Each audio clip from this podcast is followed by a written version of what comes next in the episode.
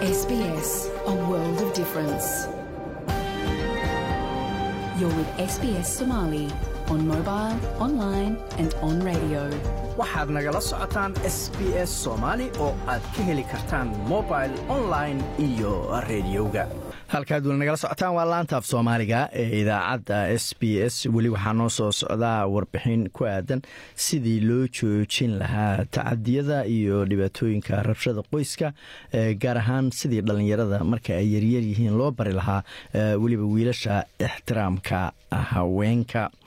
Marka horese magaaladan melbourne waxaa laga hirgeliyey ama laga bilaabay barnaamij lagu tababarayo haween soomaali u badan oo ka kala yimid bariga africa barnaamijkan ayaa waxaa iska kaashanaya urur haweena oo la yiraahdo east african womens foundation iyo jaamacadda magaalada. Ama jaamacadda victoria andhehe iyo urur kale oo la yiraahdo bulldogs markaasi foundation. Barnaamijkan ayaan waxaan ka waraystay fartuun faarax oo iyadu madax u ah ururka east african womens foundation. Waxaana weydiiyey waxa uu yahay waxayna tiri fartuun waad mahadsantahay xasan oo barnaamijkan ay ku midoobeen ay wadaan qoladan la yidhaahdo west bulldogs community foundation iyo victoria university and east african womens foundation. Waa barnaamij aada iyo aad muhiim ugu ah dumarka bulshadeena run ahaantii markii aragtida bulshada ama dumarka ayaga ka qayb qaadaya ka qayb qaatay barnaamijkan.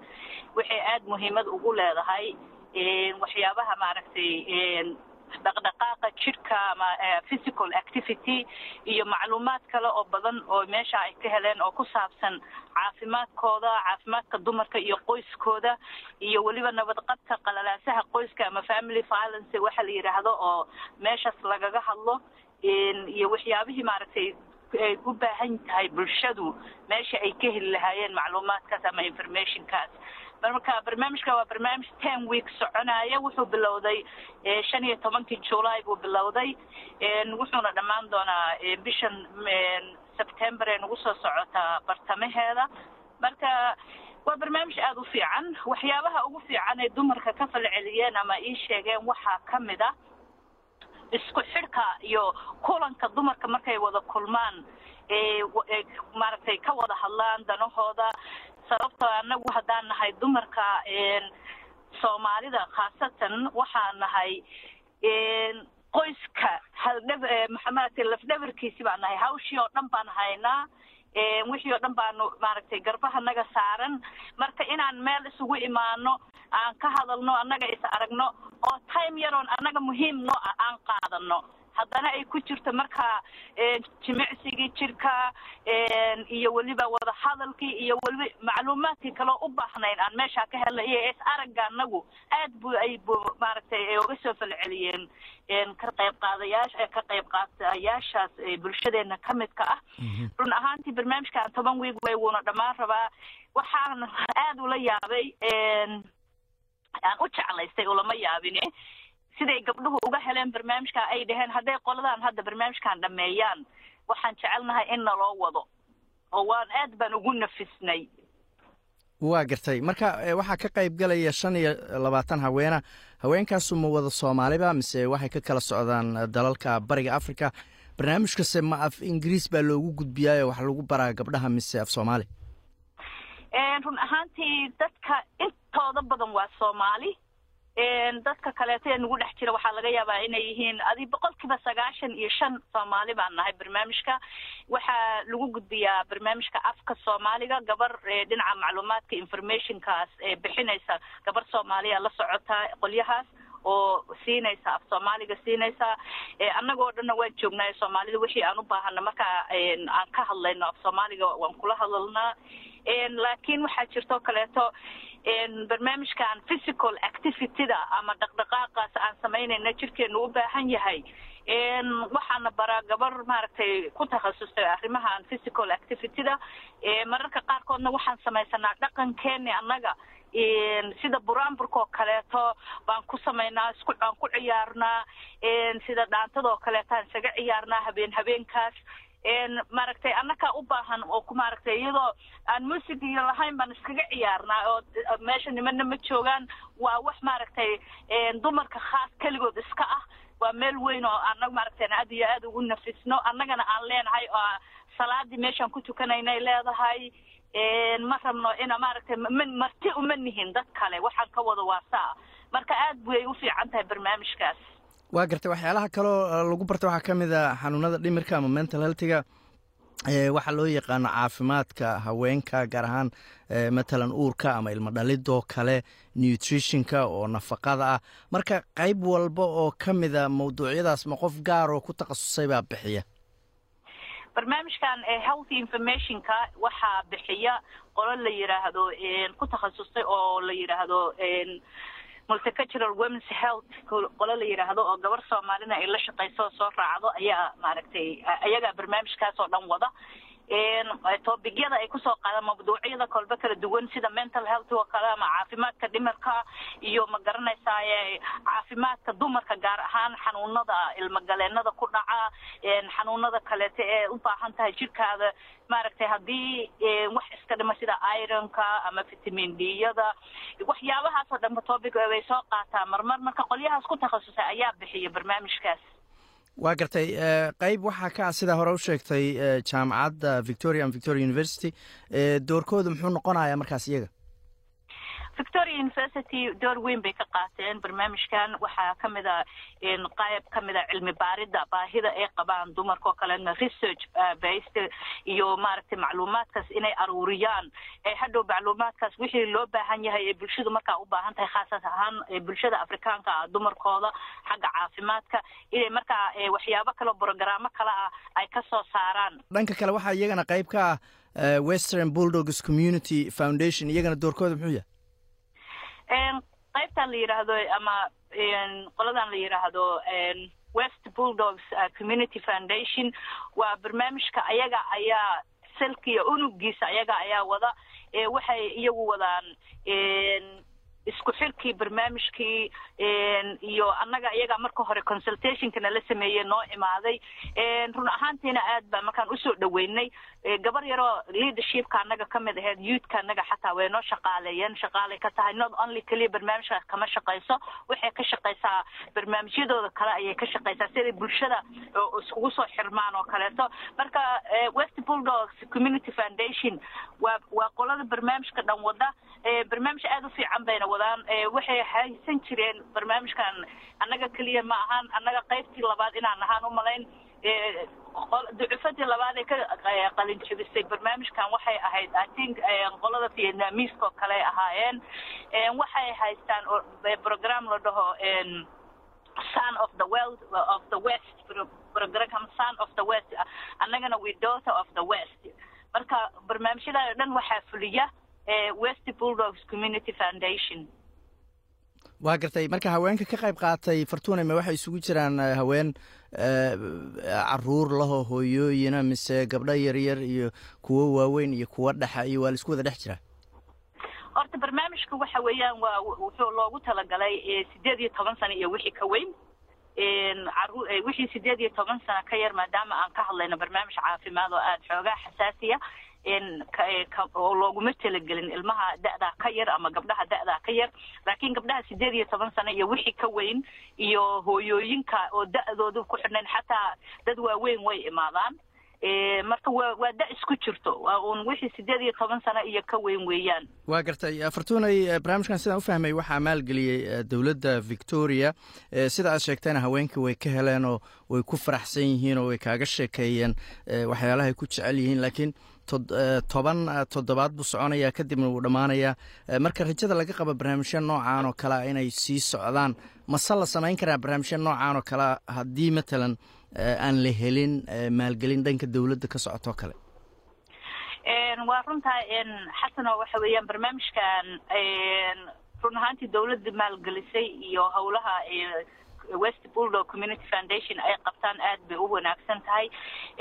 Haddii aysan dowladda barnaamijkaas si toosa oo joogta ayna u maalgelinin wararka qaarkood waa laga yaabaa inay adkaato sida ay hadda iyagu isugu soo dubarideen timeka iyo resourceka ay geliyeen. Annagoo kale east african women foundation ma haysano resources markaan resources ku leeyahay hadda barnaamijkaa ilaa three afar qof camal baa ka shaqeeyaan. Annagu ma helne laakiin voluntery baa nahay. Annaga intaanada ma haysano fundinka noocaas oo kalea oon dad shaqaalahoo barnaamijkan ka qayb qaata aan u samayn lahayn. Laakiin run ahaantii barnaamijkan gabdhuhu waxay yidhaahdeen annaguba xataa hadday dawladdu waxba haysanin aan trainaga iska bixino noo imaanaye barnaamijka yaana golal joojinin ayaa ahayd feedbacka aan ka helay dumarkii ka qayb qaatayaasha ahaa oo xataa maanta qaarkood telefoon igu soo waceen oo arrintaas igu igu dhaheen.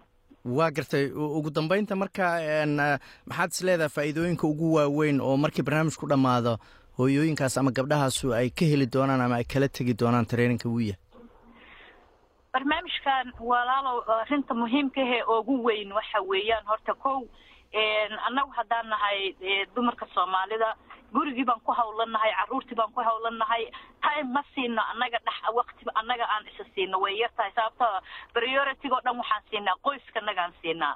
So barnaamijkan saacaddaas ama labadaas saacadood ee aya waktiga annaga ah aan anagu waktiga anaga aan si aan siinay naftanada waa barnaamij aada u fiican waxaa arrintaas gabdhuhu aad u jecel yihiin waxa weeyaan the physical activityda aad bay uga heleen. Sababta markaan ciyaarayno waxaad arkaysaa gabdho dhahaya alla sida noogu wada ma wiigii laba mar maa nooga dhigtiin?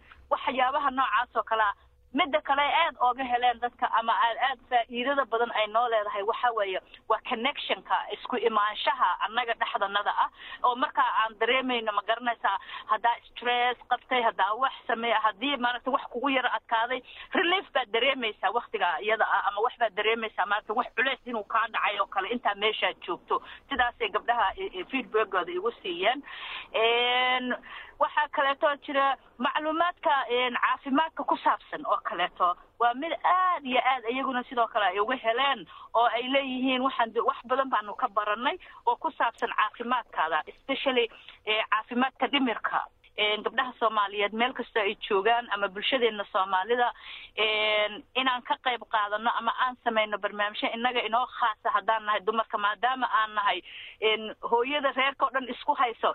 Inaan anagu caafimaadkeena intii aan maaragtay iscaawino first marka qoyskeena iyo carruurtan ayeeyada u nahay iyo jiilalkeena soo kiciya waan caawin karnaa oon u reebi karnaa. Dhaqan ahaan wixii aan naqaanay inagoo maskaxdeenu caafimaad qabto inagoo jidhkeenu caafimaad qabo inaan annaga iscaawino ayaa marka hore fiican. Marka aan caawino qoyskeena iyo bulshadeena aad baad u mahadsan tahay. Taasina waxay ahayd fartuun faarax oo madax u ah ururka east african womens foundation oo ka warramaysay barnaamij loo bixiyey daughters of the west oo tababar lagu siinayay haween soomaali u badan wararka caawana waxaa ugu waaweynaa xisbiga greenka oo ku baaqay in guddi baarlamaan loo saaro inuu markaasi soo baaro. Ra'iisul wasaarihii hore scott morrison oo markaasi xilal golaha wasiirada qaarkood isagu markaasi gacanta ku dhigay isagoo markaasi greenku sheegay in guddigaas baarlamaanka loo baahan yahay in la siiyo awood guddi qaran ama waxaa royal commissionka loo yaqaano si arintaasi ay u noqoto mid madax bannaan.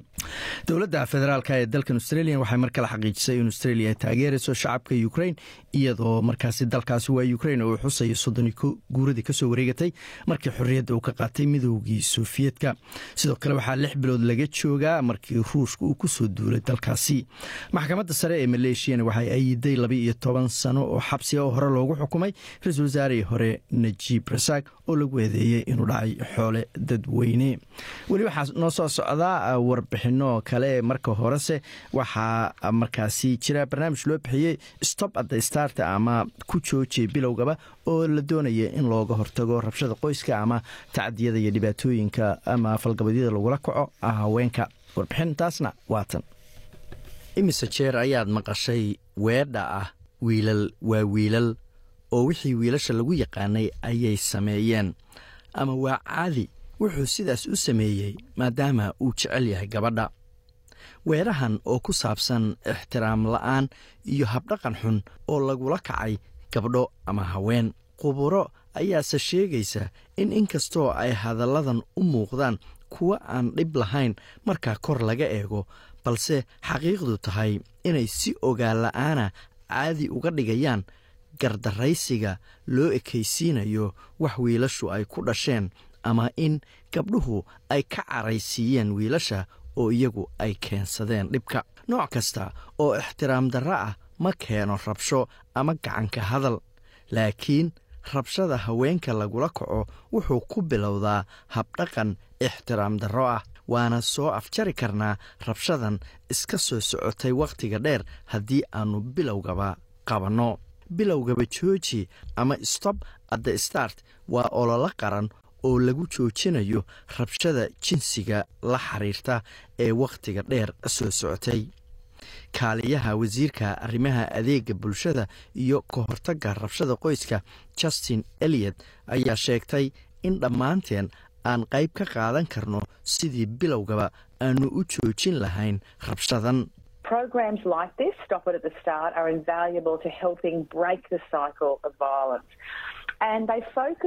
barnaamijyada noocan oo kale ah ku joojiya bilowgaba qiimo weyn ayay u leeyihiin sidii loo joojin lahaa rabshada qoyska ee soo noqnoqonaysa waxaana si gaara diiradda loogu saarayaa sidii looga caawin lahaa in bulshadu ay wacyigeliso dhallinyaradu da-doodu ay u dhaxayso toban ilaa toddobiyo toban sano si ay u fahmaan ayna dhidib ugu noqdaan habdhaqanka ixtiraamka ku dhisan ololahan ayaa soo bilowday labadii kun iyo lix iyo tobankii markii ay soo baxeen tirakoobyo naxdin leh oo ku saabsan rabshada lagula kaco haweenka iyo carruurta.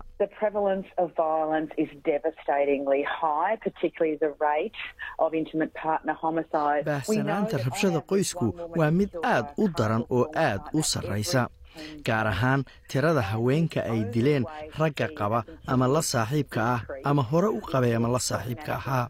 Waxaan la soconnaa in celcelis ahaan hal haweena uu dilo nin hadda qaba ama horey saaxiib u qabay saaxiib ula ahaa tobankii maalmoodba.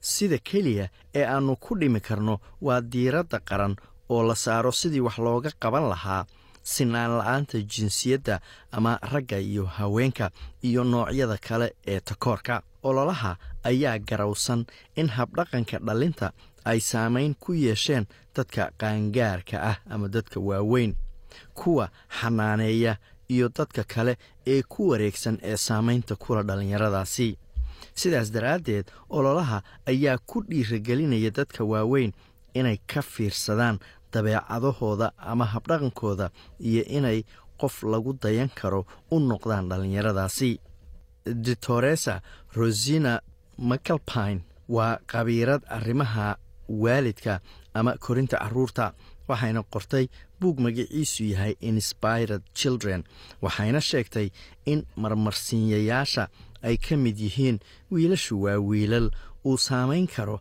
aragtida dhallinyarada oo ay u qaadan karaan inay caadi tahay ama qiil loo hayo habdhaqan ixtiraam la'aana.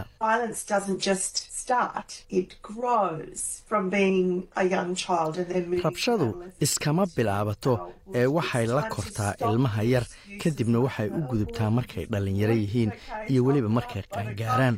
Waa inaannu joojinno qiil u raadinta sida wiilal waa wiilal ama waa iska caadi. Caadi iska dhig oo jiljileecaas iska daa dhammaan marmarsiinyaashaas oo dhan waa inaannu joojinno ayay tiri maadaama ay ku soo kortay guri gacanka hadalka la iskaga dhaxlay oo awowgeed uu u gudbiya aabbaheed ditooradda ayaa lafteedu soo aragtay rabshada qoyska ee soo socotay wakhtiga dheer.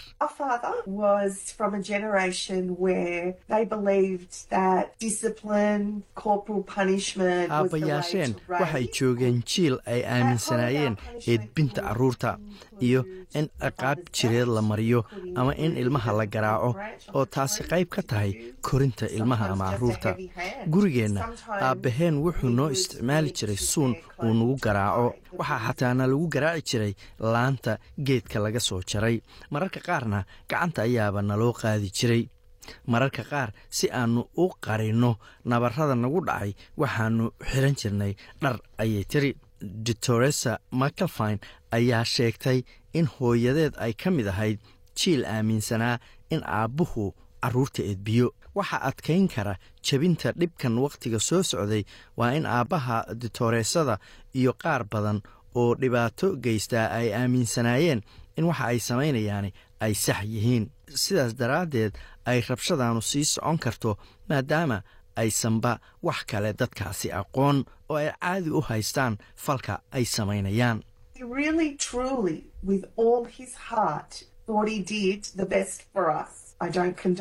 Wuxuu runtii aaminsanaa oo niyad ka ahayd in waxa uu samaynayo ay annaga dan noo ahayd. Marna sina anugu uma difaacayo gacanka hadal laakiin waxaan hubaa in aabbahay dhihi lahaa. Markaan yaraa oo soo korayey aabbahay sabab la'aan ayuu noo garaaci jiray. Aniguse sabab la'aan hadda iniima garaaco ee markaad dhib geysataan ayaan ini garaacaa. Marka wuxuu aaminsanaa inuu ku dhowaaday qaabka ugu fiican ee carruurta loo koriyo ama loo edbiyo ditooreesada ayaa sannado badan ku bixisay cilmi baarista arrintan ay ku samaysay iyo la wadaagga qaababka korinta carruurta si loo jebiyo rabshada qoyska ee soo noqnoqonaysay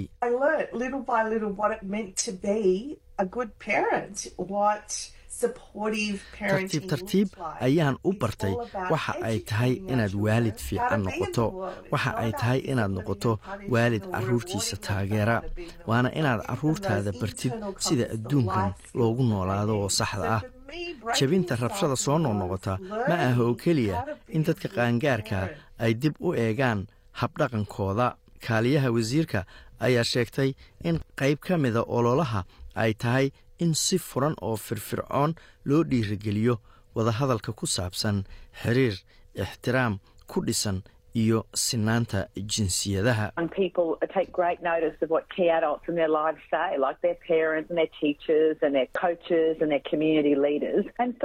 Dhalinyaradu aad bay ugu daydaan waxa dadka waaweyni samaynayaan tusaale ahaan waxay ku daydaan waalidiintood macallimiintooda tababarayaasha dhanka isboortiga iyo madaxda kale ee bulshada.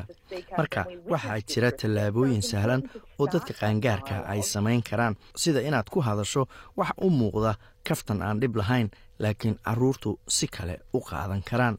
Ditooreysada ayaa sheegtay in mar kasta carruurta ay tahay in lagala hadli karo arrimaha ixtiraamka. Waxaa jira macluumaad iyo qoraallo badan oo laga heli karo ololaha bilowgii ku jooji ama stop at the start macluumaadkaas oo ka caawinaya sidii aad ku garawsan lahayd qiil ama marmarsinyo aan ula kac ahayn. Sidii aad u bilaabi lahayd wada hadal arrintan ku saabsan iyo sidaad u maarayn lahayd falcelinta ilmahaaga. Waxaad eegi kartaa website-ka respect gov au oo aad ka heli karto liiska waxyaalaha ixtiraamku yahay iyo sidii aad wada hadal u furi lahayd waxaad sidoo kale heli kartaa macluumaad ku turjuman luqado dhowra oo loogu talagalay bulshooyinka dhaqamada iyo luqadaha kala duwan ee australia. Madaxda bulshooyinka dhaqamada kala duwan ayaa door lixaad leh ka cayaari kara sidii wax looga qaban lahaa arrimahan iyadoo loo marayo si xasaasiyad dhanka dhaqanka ah laga eegayo ayay tiri maria demopolos waana guddoomiyaha guddiga hay'adda safe and equal oo ah hay'ad matasha adeegyada ku takhasusay rabshada qoyska ee gobolkan victoria.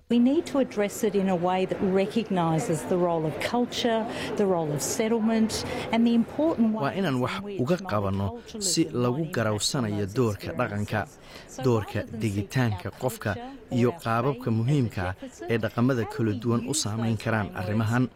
Marka intii loo arki lahaa dhaqanka iyo diintu inay dhibaatooyin yihiin waa in loo isticmaalo sidii loo xoojin lahaa wadahadalka lala yeelanayo bulshooyinkaasi. Innagoo wadaagayna yoolka aannu ku ciribtirayno rabshada ka dhanka haweenka iyo carruurta ayay tiri ololaha bilowgaba jooji wuxuu galay wejigii afraad sannadkan ilaa iyo haddana wixii la sameeyey waxaa ka muuqda inuu shaqaynayo ayay tiri kaaliyaha wasiiraddu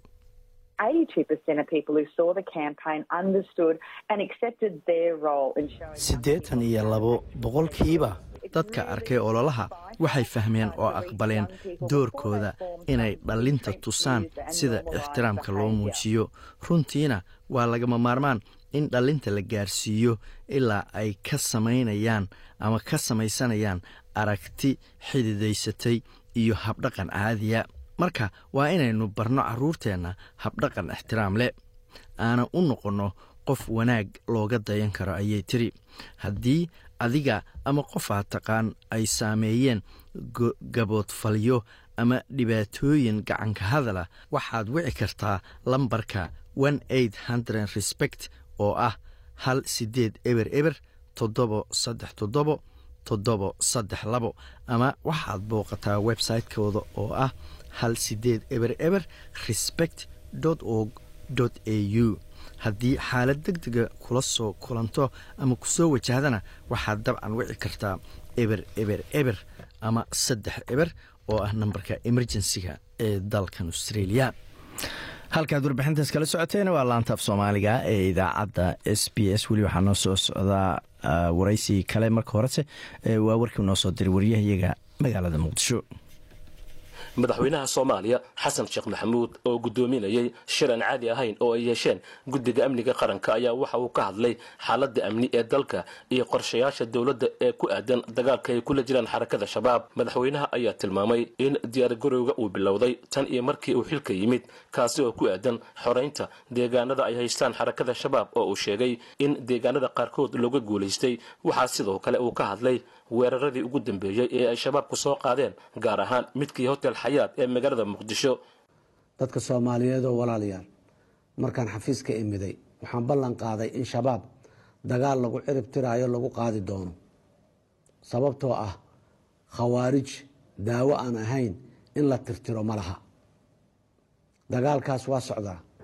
Guulo la taaban karo ayaana laga gaaray gaar ahaan degaanada galmudug koonfur galbeed iyo hirshabeelle dadka soomaaliyeedow argagixisadu dagaal kulama jirto dowlad. Danna kama laha. Waxaa mabda u ah cabsigelinta bahdilka iyo gumaadka shacabka oo ay u dheer tahay boobka hantidooda iyo cunaqabataynta abriyada gargaarka u baahan. Waxaa la yidhi meyd maxaa u dambeeyey?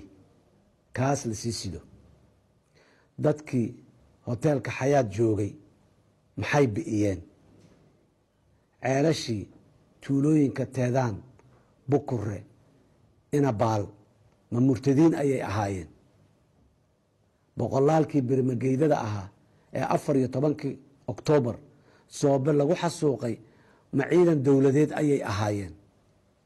Dad muslimiin ah oo ay u badan tahay inay weyse u dhowreyd oo isugu jira bulshada qaybaheeda kala duwan sow ma ahayn. Waana dhaqankooda in mar kasta oo guuldarro la kulmaan si nafla caarinimo ah in ay ugu soo laabtaan shacabka oo ay xasuuqaan. Astaantaas waxaa la yidhaha heliliqo ama neef gowracangeeda kama waabto madaxweynaha soomaaliya ayaa sheegay in hadafka ugu weyn ee al-shabaab ay ka leeyihiin weerarada gaadmada ah ay tahay sida uu yidhi in la niyad jebiyo dadka soomaaliyeed dowladdana laga mashquuliyo qorshayaasha xoraynta dalka. Madaxweynaha ayaa ugu dambayntii waxauu carabka ku adkeeyey in dowladda soomaaliya ay ka guulaysan doonto kooxda dagaalka kula jirta ee al-shabaab isagoona shacabka soomaaliyeed ka codsaday inay dowladda la shaqeeyaan. Shacabka soomaaliyeedow waa ogahay inaad dhibaatada argagixisada idinku hayso quuska taagantihiin waan ogahay inaad ku daasheen tacsida iyo baroordiiqda joogtada ah. Waan ogahay in qarax walba oo ay argagixisadu soo maleegaan aad ku weydaan dad agtiina qaali ku ah oo isugu jira ehel walaal hooyo aabbe qaraabo iyo saaxiibo waan ogahay inaad weliba dowladda soo dhowraysaan.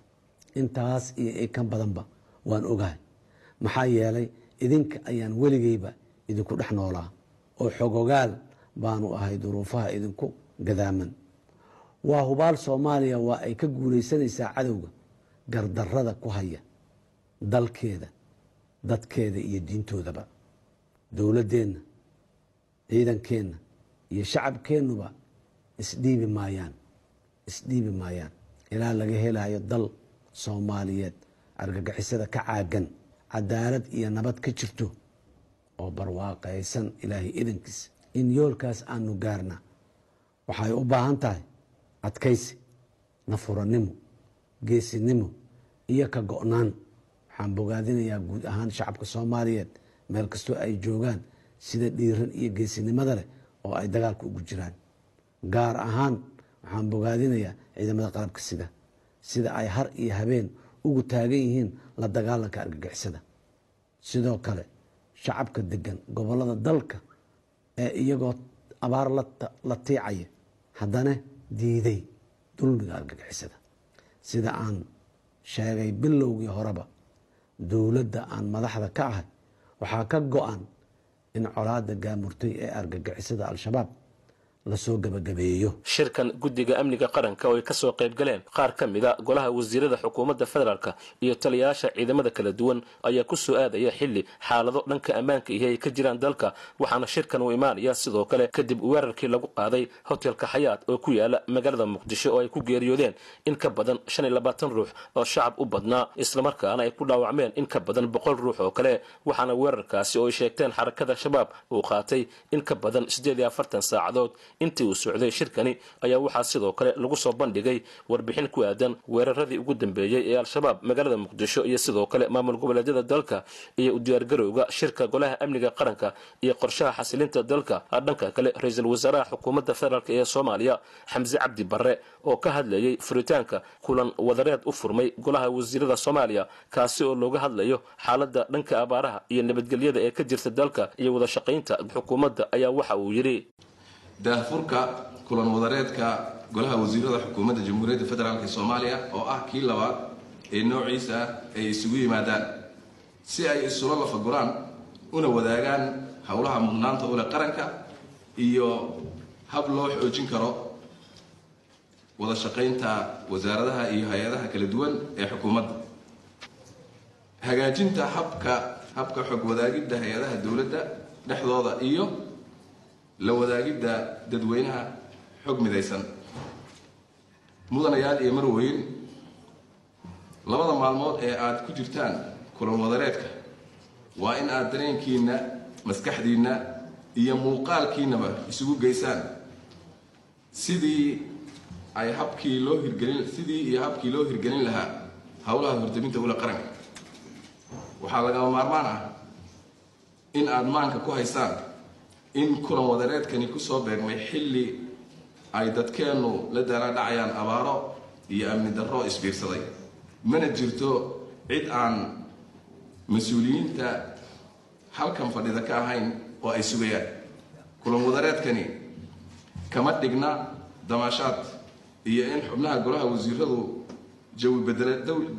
jawi bedelasho ku jiraan sawirana wadagelayaan sheekaysanayaan ee waxaa looga gol leeyahay in ay wada faqaan maskaxdoodana tuujiyaan soona saaraan qorshe howleed lagu badbaadin karo dalka iyo dadkaba oo ay duruufo adag haystaan halkaad weli nagala socotaan waa laanta af soomaaliga ee idaacadda s b s. Bishii juun oo la soo dhaafay s b s soomaali waxa ay booqasho ku tagtay magaalada beeth oo ay degan yihiin jaaliyad ballaaran. Waraysiyo kala duwan aan markaasi la soo yeelanay. Mid ka mida waraysiyadaas waxaanu la yeelanay madaxda xarunta al salaam ee markaasi cusub oo la dhisay. Qeyb ka mida waraysiyadii aanu la yeelanay madaxda ururkaasina wuxuu u sidan run ahaantii bildinkaani hadda aan ku jirno waxaa la gaday sanad ka hor baa la iibiyey. Baahida loo gadayna waxay ahayd isku xirka dhalinyarada. In dhalinyarada la isku xiro oo culturkii la baro oo diintii la baro af soomaaligii la baro. Marka muhiimadana in lagu cibaadeysto masaajid ay noqoto. Ayadana waa loo iibiyey barnaamijkan intaan la bilaabin ama intaan la furin. Waqti dheer baad ka soo marteen bal in yar taariikhdaad ka soo marteen in meel laysugu yimaado dadku ku kulmo la sameeyo magacayga waxaa layidhaha cabdalle cali abuubakar jaaliyanta soomaaliyeed ee magaalada beed ku nool baan ka mid ahay. Walaalkii maanta noo bidi waanu ku faraxsannahay xasan jaamac. Barasho wanaagsan xasanow aad baanu kugu faraxsannahay inaanu soo booqato waanu aad baanu u jeclaysanay kolkuu la ii sheegay maantana farax badan baanu dareemay meejantada maanta ilaahay uu gacantana soo geliyey waa fadlun min allah weeye. Waxaa iska jirta in halgan dheer loo soo galay. Halganka dheeroo inta aan labada kun ka horeysay sannadkii ka horeeyey sanadkaasu bilowday. Intaa waa la soo jiitamahayay. Xagga nagana dadaalku ma anaan yaraysanin laakiin qadarka ilaahay bay ku noqotay. Waxaynu ognahay adduunka wixii la arkaa miilaad buu leeyahay.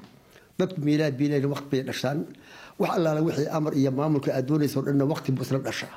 Aduu waqtigaa hada dabcan inaan ka soo hormarsan kama soo hormarin karaysid ee waqtigii unbuu ku soconhayaa sidaa daraaddeed annagu wax badan baan dabcan inaan ka hormarino laakiin miilaadkiisii baan dabcan inaan ka hormarino ee weynoo soo roogeeyo ilaahay baa ugu talagalay waqtigiisii. Hadday noo bilaabatay waxa iminka aanu doonaynana waxa weeye aan ugu talagalnay islaamkii oo maanta tada qariib meejan aan ku nahay dalkiisii aanu ka nimid. Dadkii yimid waa dad soomaali ah muslimiin ah caqiidadii islaamkii xaqiiqigaha ay tahay. Doona hayaan midkii ilaahay kula xidhiidhaan inuu yahay. Doonana haya caruurtooda iyo ehelkooda iyo awlaadooda intaba inay ku hayaan. Oo aynan meel uusan haddii ilaahay yidhahdo uusan inxiraaf iyo akhlaaq kaga dhicin. Waxyaalo fara badan oo islaamku u baahan yahay oo naga maqnaa meel la'aan aanaan xajin karaynin dadka yaa jira. Wixii baan dhamnay marka inaan meel u yeelo markas oo asaasi ah oo ummadoo dhan isu keena baahidooda oo dhanna daboola yaanu ku sii talagalnay magacaaga iyo maadaama guddiga aad aad ka mid tahay howlaha dabcan dhallinyaradii ninkaa nooga warrami doona sheekhu dhankii diinta iyo qur'aanka nooga warramay. Marka maxaad isleedihin bulsho ahaan ma ku jiraan arrimaha dhaqanka iyo af soomaaligii iyo hiddihii iyo sidii bulshada laysugu keeni lahaa? Bismi illaahi raxmaan raxiim xasan cali jaamac walaal aada baan ugu faraxnay imaanshahaaga iyo inaan kula kulanno fursad dahabi aan u aragnaa ilaahay baan ugu mahadnaqaynaa kuu fududeeyey inaad noo timaado haddaad waxaiga weydiisay geestaas howlahan u qabano communitiga horta jimceeddan waxay jirtay sideed sano. Sidaa uu sheekhu sheegay muddadaas oo dhan waxaanu ku jiray tacab ah si aanu meel ugu heli lahayn xoog u saaraynay yani inaanu meel u helo aakhirkiina alxamdulilah aanu ku guuleysanay qayb ahaan qaybtii kalena waanu ku dadaalaynaa inaanu iyadana lacagtiina laga rabay u soo u raadino oo iyadana u dhammaystiro waayo. Iyadu waa qaybta baarkinga waayo masjidka haddaanu baarking lahayn. Qiimo ma leh. Dadka waxaa ciriiri kugu noqonaya sharciga iyo dadka imanaya meesha in lagu xadido markaas taasi waa dadaalkii iyo adigu aakhirkii inaanu meel u helnay.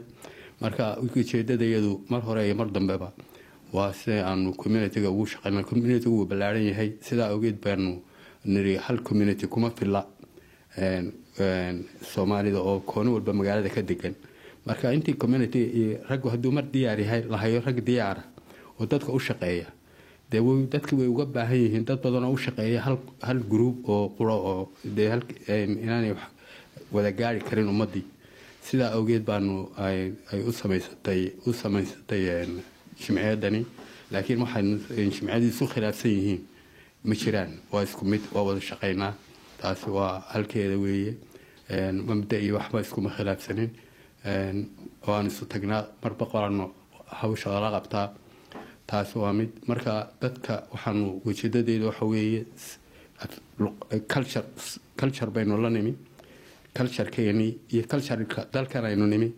Labadaba sidaan dadkii keenino aan uga tegin ugu dhaqmaan oo aan xasuusino oo loo loogu wado oo loo xasuusiyo oo loo baro kan dalka aynu nimina inaan sharcigeeda iyo nidaamkeeda iyo dhaqanka inagoo u ah ummad ahaan wada safiir baynu nahay.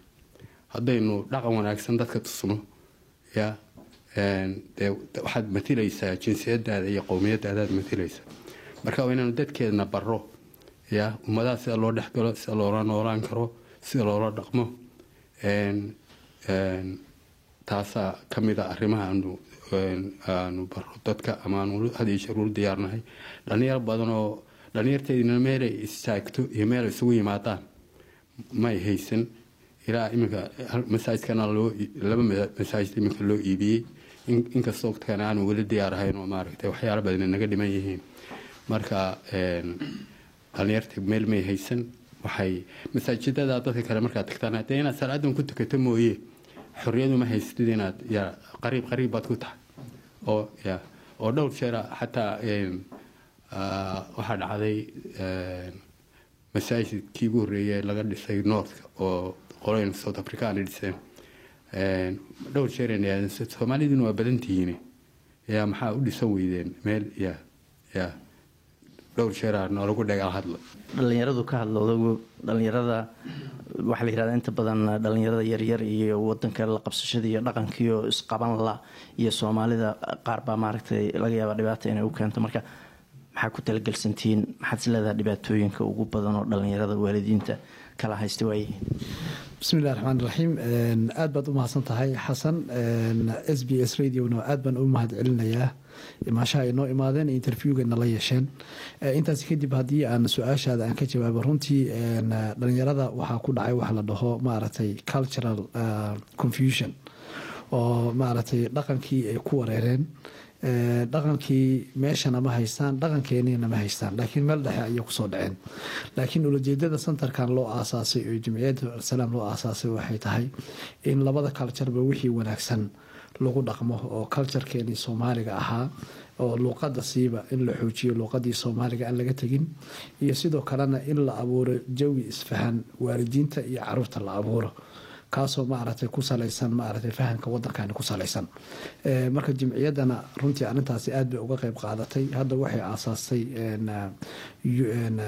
kulan dhalinyaro ah oo alsalaam youth organisation alsalaam youth organisationka waxyaabaha uu qabto waxaa ka mid ah inuu activities uu qabto dhalinyarada sida soccer tournament oo aan qabanay last week oo kale ciid soccer tournament baan qabanay alxamdulilah si fiican bay noogu dhacday. Dhalinyaradoo dhan waa isku xirmeen. Sidoo kalena ilaa iyo toddobiyo toban tiim baa ka soo qayb galay. Toddobiyo tobankaasi tiim ay ka soo qayb galay soomaali bay u badnaayeen inta ugu badan. Inkastoo muslimiin kalena ay ku jireen runtiina waa arrin aada iyo aada loogu farxo. Sidoo kale waxyaabaha aan niyadda noogu jira oo aan rabnay inaan sameyna waxaa ka mid ah. Dhalinyarada waxaa waxa ay ku waalan yihiin waxa la dhaho gameska waxaan rabnaa youth center aan u aasaasnay hadda oo aan gacanta aan ku hayna alxamdulilah inaa gameskii halkaasi aan u keenno salaadii meeshii ku tukanayeen gameskii meeshii ku ciyaarayeen meeshii maqaayadu oo ahayd hal meel ay wada noqoto. Si maaragtay luuqadiina loo ilaaliyo dadka ay dhexgelayaanna dad wanaagsan ay u noqdaan. Sidoo kale alsalaam waxyaabaha ay sameyso waxaa ka mid ah waxa la dhaho youth counseling haddii maaragtay qofka dhib ay soo gaarto oo qofka yar oo kale dad waaweyn oo professional ah oo councils ah baa jamciyadda u jooga oo la hadlaya oo u sheegaya dhibka qofkaasi haysta sidii xal loogu heli lahaa oo dhibkaasna loo yareen lahaa. Haddii bilmatalan oo kale drug issue ay jiraan si maaragtay loogu sheego dhibaatada ay drugska leedahay kaasi wuxuu ahaa maxamed oo ka tirsan jimciyadda al-salaam ee magaalada beet waraysigaas oo dheerna barnaamijyada dambe ayaad markaasi ku dhageysan doontaan. Haddii uu eebba idmo wararka caawana waxaa ugu waaweynaa xisbiga greenka oo ku baaqay in guddi baarlamaan loo saaro. Awooddii dheeraadka ahayd ee uu qabsaday scott morrison waa ra'iisul wasaarihii hore guddigaas qaran oo markaasi soo baari doona arintaas ayay greenku ku baaqayaan. Dowladda federaalka ee dalkan australiana waxa ay xaqiij ama mar kale xaqiijisay in australia ay taageerayso shacabka ukraine iyadoo dalkaasi uu xusayey soddon iyo kow guuradii ka soo wareegatay markii uu xorriyadda ka qaatay midoogii sofiyeetka sidoo kale lix bilood ayaa ka soo wareegatay markii ruushka uu dalkaasi ku duulay. Maxkamadda sare ee dalka maleeshiyana waxa ay ayiday laba iyo toban sano oo xabsiga oo hore loogu xukumay ra'isul wasaarihii hore dalkaasi najiib rasaaq oo lagu eedeeyey inuu dhacay xoolo markaasi dadweyne. Idaacadeena caawana intaas ayaan ku soo gabagabaynaynaa waa aniga oo xasan jaamac inla intaas iyo nabadgelyo